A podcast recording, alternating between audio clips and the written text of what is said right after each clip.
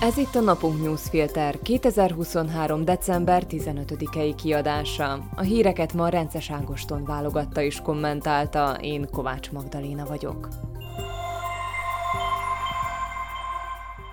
Mai témáink Orbán fantasztikus mutatványa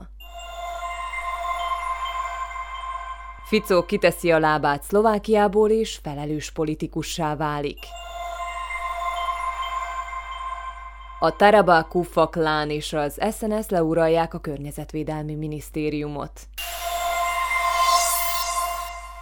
Orbán Viktor már hetek óta minden létező fórumon azt hangoztatja, hogy nem szabad megkezdeni az uniós csatlakozási tárgyalásokat Ukrajnával. A kérdést belefoglalta a nemzeti konzultációba, leveleket írt Charles Michelnek, az Európai Tanács elnökének, elárasztotta Magyarországot a legújabb Brüsszel ellenes plakátkampányjal. Szerdán a magyar parlament egy fideszes határozati javaslatról tárgyalt, ami szintén elutasította volna Ukrajna csatlakozási tárgyalásainak megkezdését. Ugyanezen a napon az Európai Bizottság felszabadította a zárolt uniós forrásokból 10 milliárd eurót Magyarország számára. Orbán másnap Brüsszelbe utazott az uniós csúcsra. Mindenki arra számított, hogy a csúcs el fog húzódni. A magyar miniszterelnök még a megérkezésekor is amellett érvelt, miért nem szabad megkezdeni a csatlakozási tárgyalásokat Ukrajnával. Orbán Balázs, a miniszterelnök politikai igazgatója rendületlenül szajkózza, hogy Magyarország akkor támogatja az Ukrajnával kapcsolatos döntéseket, ha Brüsszel feloldja az összes zárolt pénzt. Aztán Charles Michel, Emmanuel Macron és Olaf Scholz elvitték reggelizni, majd délután meg is volt a döntés. Az EU zöld utat ad Ukrajnának a csatlakozási tárgyalások megkezdésére. A döntést Orbán nélkül hozták meg, aki ekkor nyilvánvalóan előre egyeztetett módon elhagyta a termet, de nem emelt vétót. Népszerű az az értelmezés, mely szerint a magyar miniszterelnök a felszabadított 10 milliárd euró hatására lépett vissza a vétótól. Ez azonban minden bizonyal pont az, amit maga Orbán is láttatni szeretne, de nem fedi a valóságot. Mint azt már szerdán megírta a Válasz online, ezt az összeget egész egyszerűen azért szabadította fel a bizottság, mert Magyarország teljesítette az igazságügy területén kért változtatásokat. Tehát Orbán se nem zsarolta ki ezt a pénzt Brüsszeltől, se nem vette meg Brüsszel a konstruktív távolmaradását, hanem a nagy tűzijáték közepette, amit rendezett, pont az ellenkezőjét csinálta annak, amit a plakát kampányán állít. Úgy táncolt, ahogy Brüsszel fütyül, és ez független attól, hogy nem vétózta meg Ukrajna csatlakozási tárgyalásának megkezdését. Ukrajna csatlakozása természetesen egyelőre beláthatatlan messzeségben van. Ez inkább egy szimbolikus üzenet. Az EU Ukrajna mellett áll és támogatja abban, ami miatt Oroszország megtámadta, hogy a nyugati világhoz szeretne csatlakozni.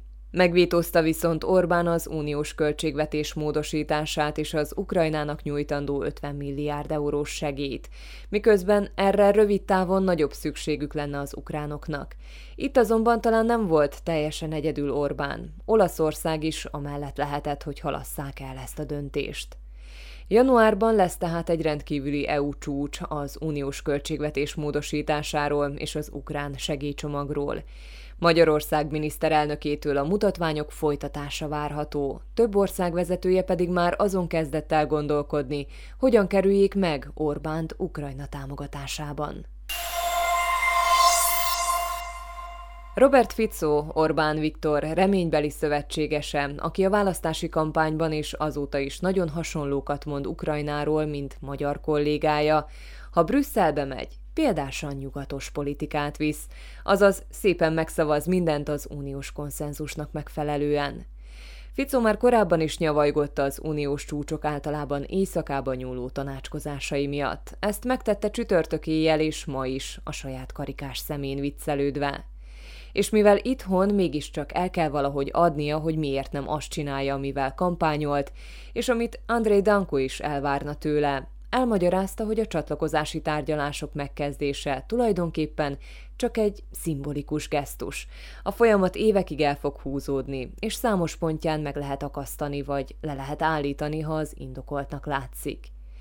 Orbán ugyanezzel indokolta, hogy végül nem emelt vétót. A különbség kettejük között, hogy Ficó nem kerített hozzá látványos műsort, nem kapálózott minden fórumon, és ha voltak is fenntartások a korábbi retorikája miatt, azokat az ő és a külügyminisztere Juraj Blanár már rég eloszlatták. Fico Meloni útját választotta, a konstruktív atlantista utat. Orbán pedig nézheti, ahogy egy másik potenciális szövetsége sem akar csatlakozni hozzá az EU-ba álmodott roncs derbiében a hazai közönséget pedig egy aranyos ajándékkal szeretné szédíteni. Levetetné az EU szankciós listájáról József Hambáleket, az éjszakai farkasok putyinista motoros banda nagyszombati összekötőjét, aki amúgy Jaroszláv Nagy, korábbi védelmi miniszter szerint nem is szlovák kérésre került fel a listára.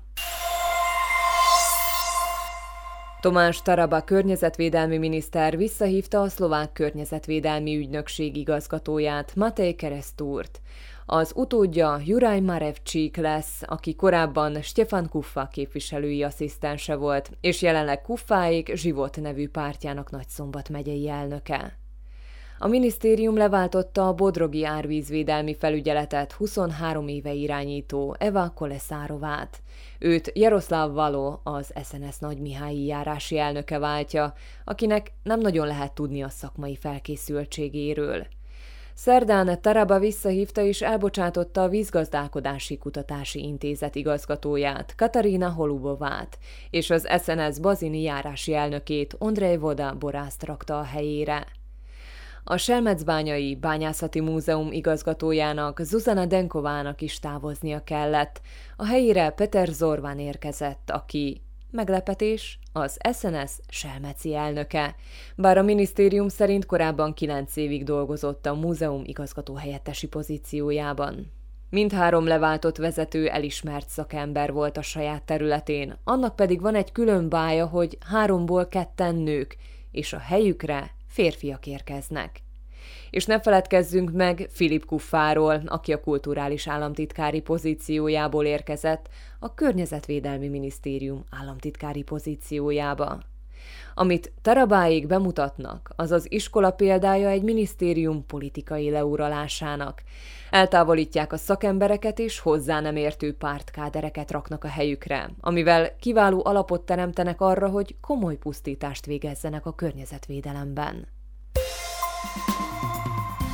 Hírek egy mondatban. József Kis lett a pénzügyi hatóság új elnöke. Ladislao Kamenyicki pénzügyminiszter pénteken nevezte ki Kist, miután Jizsi Zsezsulka eddigi elnök csütörtökön személyes okokra hivatkozva felmentését kérte a pénzügyminisztertől. Kis a légiforgalmi szolgálat vezetője, 2021 és 2023 között pedig az agrárkifizető ügynökség vezérigazgatója volt. Csütörtök este véget ért a szlovákiai fuvarozók uniója által hétfőn indított blokkáda a felső németi és ungvár közötti határátkelőn. Az UNASZ az ukrán fuvarozók uniós engedélyeinek visszavonását követeli.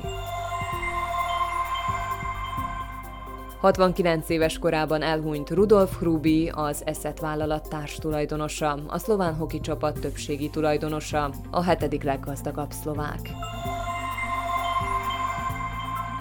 Az EU lakosságának 60%-a ért egyet azzal, hogy az Unió pénzügyileg támogassa Ukrajna felfegyverzését, derül ki az Euróbarométer felméréséből.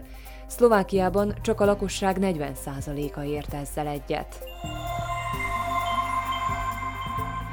Szlovákia lakosságának 64%-a érzi rossznak az itthoni általános helyzetet, 75%-a pedig a gazdasági helyzetet az Euróbarométer felmérése szerint. A saját háztartásuk aktuális anyagi helyzetét viszont a lakosság csak nem kétharmada jónak tartja. A bejelentő védelmi törvény módosítása iránt az Európai Bizottság is érdeklődik, tudatta Zuzana Dlugosová, a bejelentő védelmi hivatal elnöke. Szerinte a törvénymódosítás veszélyt jelent a bejelentőkre, és súlyos bűncselekmény kivizsgálásának meghiúsulásához vezethet.